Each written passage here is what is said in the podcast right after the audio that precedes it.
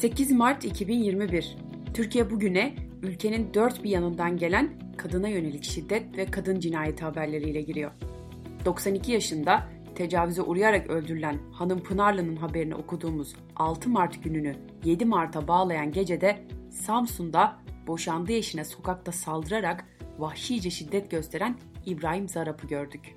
Sabahına 10 yaşındaki bir kız çocuğuna tecavüz etmek isterken çevredekiler tarafından linç edilen erkeğin haberiyle uyandık.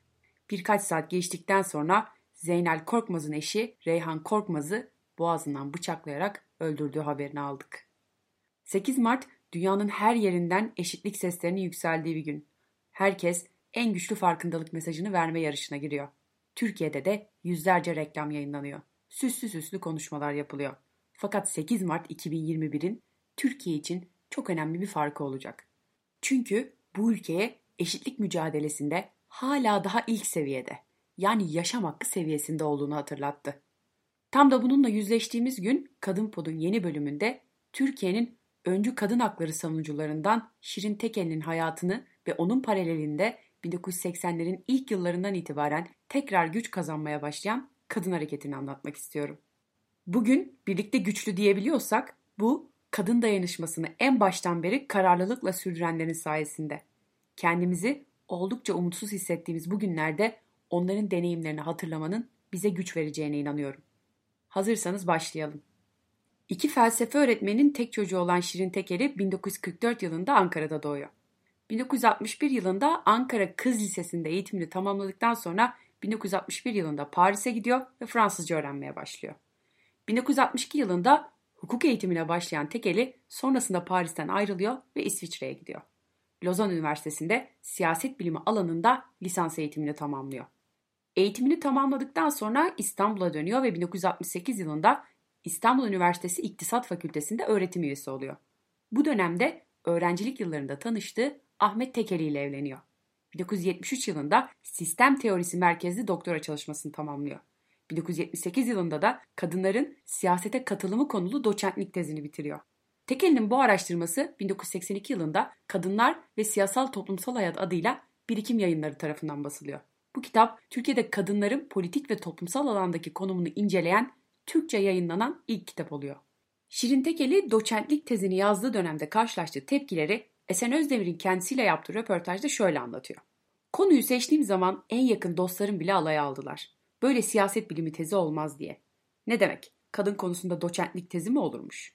Gayri ciddi diyorlardı. Siyaset bilimi ciddi bir bilim dalıdır. Kadınlarla uğraşmak da ne demek oluyor? Bunu alaya alarak söyleyen de vardı, ciddi ciddi söyleyen de. Doçentliği sonrasında seçimler üzerine çalışmaya başlıyor ve burs alarak Fransa Ulusal Bilimsel Araştırma Merkezi'nde haritalama tekniğini öğreniyor. Çalışmaları süresince bir yandan Türkiye'nin bütün seçim verilerini bilgisayara işlerken bir yandan da şehirde seçim sosyolojisi konusunu incelemeye başlıyor. 12 Eylül darbesi sonrasında kurulan YÖK'ü protesto ederek 1981 yılında üniversitedeki görevinden istifa ediyor. Üniversiteden ayrıldıktan sonra yazar, redaktör ve çevirmen olarak çalışmaya başlıyor. Bu dönem aynı zamanda ikinci dalga feminist hareketin Türkiye'de etkisini hissettirmeye başladığı dönem. 12 Eylül'ün baskıcı ve yasaklayıcı atmosferinde siyasi hayat durma noktasına gelirken kadın hareketi güç kazanmaya başlıyor. Hikayeyi birazcık daha başından alalım. 1934 yılı öncesi Türkiye'de kadın hareketinin oldukça aktif olduğu bir dönem. İkinci meşrutiyetin ardından Osmanlı'da başlayan hareket kadınların eğitim, çalışma ve aile içinde saygın bir yer edinme haklarını savunurken sonrasında kadınların seçme ve seçilme haklarını kazanmasına odaklanıyor. Bu mücadeleyi sürdürürken sürekli baskı altında kalan, kendilerine yönelik karalama kampanyaları başlatılan, gazetelerde karikatürler üzerinden dalga geçilen, kurdukları siyasi parti kapatılan kadınlar yıllar süren mücadelenin ardından 1934 yılında seçme ve seçilme haklarını elde ediyorlar. Sonrasında kadın hareketi 1970'li yıllara kadar sessiz kaldığı bir döneme giriyor. Bu sessiz dönem boyunca kadınlar sadece aile içinde konumlandırılmaya devam ediyor. Kentlerde yaşayan kadınların bir kısmı eğitim olanaklarından yararlanır meslek sahibi olurken kırsal kesimde yaşayan kadınların hayatlarında çok da bir şey değişmiyor.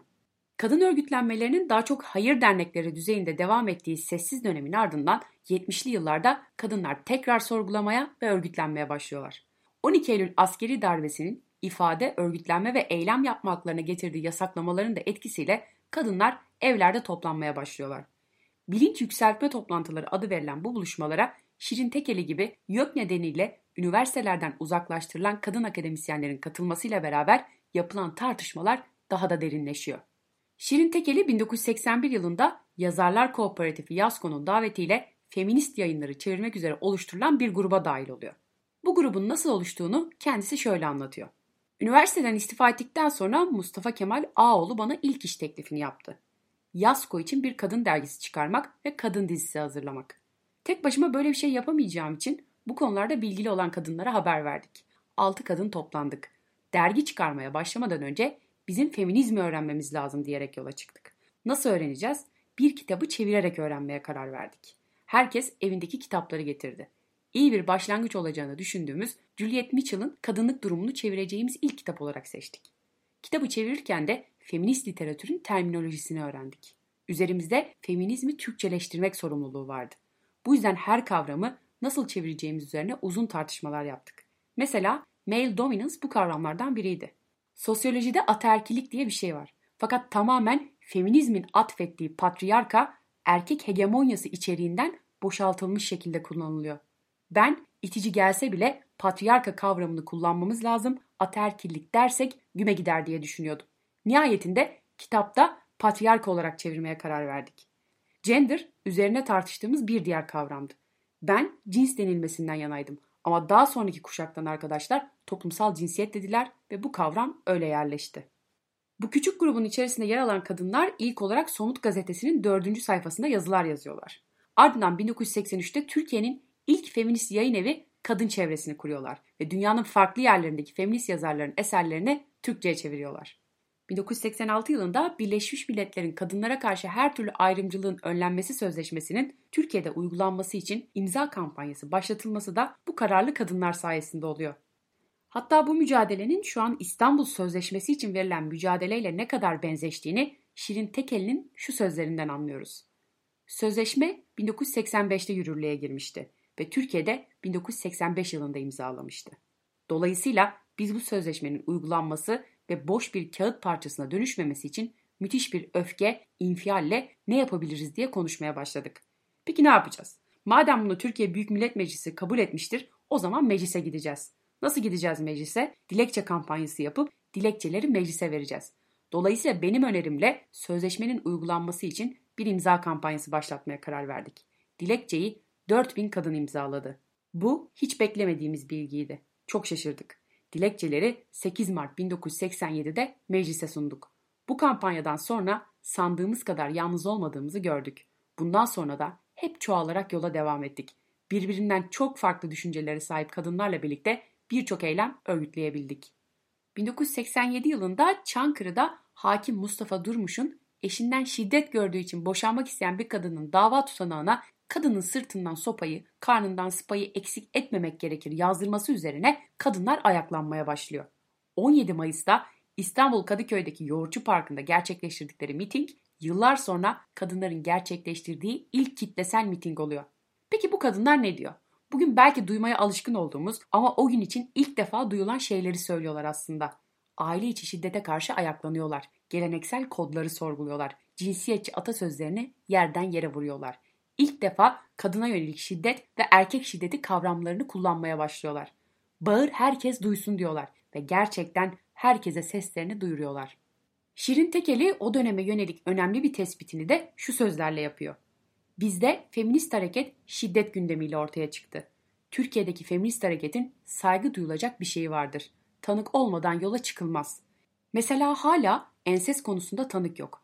Dolayısıyla ensest konusunun üzerine gidilmiyor. Oysa ensest de çok yaygın ama şiddet gündemi de bir yargıcın kararı üzerine ortaya çıktı ve dayağa karşı yürüyüş yapıldı. Dolayısıyla somut olaylardan yola çıkmak önemli. Ancak böyle olursa bir hareket olur. Şirin Tekeli 1985'te kadınlara karşı her türlü ayrımcılığın önlenmesi sözleşmesinin uygulanmasını talep eden dilekçe kampanyasında Türk Ceza Kanunu ve Medeni Kanun'da yer alan cinsiyetçi maddelerin kaldırılmasında, ardından 1987'deki aile içi şiddete karşı yürüyüş ve kariye şenliğinde 1989'da Mor İğne kampanyasında oldukça aktif ve öncü bir şekilde yer alıyor. Aynı zamanda 1989'da Kadın Eserleri Kütüphanesi ve Bilgi Merkezi Vakfı'nın kuruluş çalışmalarını da başlatan isimlerden biri oluyor. Dayağa karşı kadın dayanışması kampanyasının ilk somut sonuçlarından biri 1990 yılında Şirin Tekeli'nin de kurucu üyesi olduğu Mor Çatı Kadın Sığınağı Vakfı'nın kurulması oluyor. Türkiye Mor Çatı sayesinde kadınlar için asıl tehlikenin evde olduğunu ve kadın sığınaklarının önemini fark ediyor. Bu dönemde üniversitelerde de kadın sorunları araştırma ve uygulama merkezleri kurulmaya başlanıyor. Toplumsal cinsiyet konusunda birçok tez yazılıyor, konferanslar düzenleniyor. Kısacası küçük bir grubun örgütlenmesiyle başlayan ve gitgide daha da büyüyen kadın hareketi tekrar eski gücüne kavuşuyor. Buraya kadar anlattıklarım bile dönemin oldukça özet hali diyebiliriz. 2000'ler ise apayrı bir podcast'in konusu olabilecek kadar detaylı. O sebeple tekrar biyografik anlatıma dönüyorum. Şirin Tekeli'nin 1988 yılında Kadınlar İçin adlı makale derlemesi, 1990'da Meryem Kore ile birlikte yazdığı Kadınlarla ilgili eşitlik politikaları kitabı yayınlanıyor. Aynı yıl Kadın Bakış Açısından Türkiye'de Kadınlar kitabını da derleyen isim oluyor. Kitap 1995 ve 2010 yıllarında yeniden basılıyor, Almanca ve İngilizce dillerine çevriliyor. 1997 yılında kurulan Kadın Adayları Destekleme Derneği'nin kurucu ve onursal başkanı olan Şirin Tekeli, Kadın Hukukçuları Destekleme Vakfı, Ana Kültür Kooperatifi ve Winpeace, Türk ve Yunan Kadınları Barış Girişimi'nin de kurucuları arasında yer alıyor. Yazdığı kitapların yanı sıra Fransızca ve İngilizceden çoğu kadınlar ve demokrasiyle ilgili olmak üzere 25 kitabı Türkçe'ye çeviriyor. Kendisinin yayınlanan son kitabı ise 2017 yılında çıkan Feminizmi Düşünmek oluyor. Tekeli bu kitabı yazarken neyi amaçladığını şöyle açıklıyor. Neredeyse 40 yıllık bir döneme tanıklık etmek istedim. Tarihe meraklı genç okurların ilgisini çekebilir diye düşünüyorum. Bu umutla hepinize eleştirel gözle okumalar yapmanızı öneriyor. Kadınların kaderini değiştirmekte bana göre tek güç olan feminizmle dostça bir ilişki kuracağınızı umuyorum. Şirin Tekeli 13 Haziran 2017'de beyin tümörü tedavisi gördüğü Bodrum'da 73 yaşında hayata veda ediyor. Ölmeden önce bedenini bilimsel araştırmalarda kullanılması adına Cerrahpaşa Tıp Fakültesine bağışladığı için mor bayraklı tabutu İstanbul Üniversitesi Çapa Tıp Fakültesi Hastanesi'ne gönderilmek üzere kadınlar tarafından taşınarak cenaze aracına koyuluyor. Kadınlar cenaze aracını alkış ve zılgıtlarla uğurluyorlar. Esen Özdemir kendisiyle yaptığı röportajda son olarak sizin tanımlamanızla torunlar kuşağındaki feministlere ne söylemek istersiniz diye soruyor. Şirin Tekeli'nin cevabı ise şu şekilde oluyor. Feminizm için hala ve uzun süre patriarkayla mücadele birinci planda olacaktır. Özel olan siyasidir kavramı geçerliliğini bugün de 30 yıl önceki gibi korumaktadır. Dolayısıyla Türkiye'de aile içi şiddet kadar son 10 yılın gündeme getirdiği kadın cinayetleri türü şiddet biçimlerine karşı mücadele sürecektir. Kadınların siyasi karar odaklarına daha fazla girmesi, dünya genelinde feminist hareketin öncelikli bir sorunu olmaya devam ediyor. Daha yapacak çok şey var. Yılmak yok. Pop artık 5. ve 6. kuşak feministlerde. Şirin Tekeli'nin hayatı ve çalışmaları eşitlik mücadelesi yolunda kadınlar için bir yol haritası niteliğinde aslında. Benim için en önemli noktası da kadınlar için örgütlü olmanın ve dayanışmanın ne kadar hayati nitelikte olduğunu hatırlatması. Evet bugün 8 Mart. Bir gün elbet eşitliği coşkuyla kutlayabileceğimiz 8 Mart'lara olan inancımı asla kaybetmiyorum. Önceden gelenlerin bizlere bıraktığı büyük bir eşitlik mücadelesi mirası var. Bizlere de o mücadeleyi daha da büyütmek düşüyor. Bu bölümü de Şirin Tekeli'nin asla unutmamamız gereken sözüyle kapatmak istiyorum.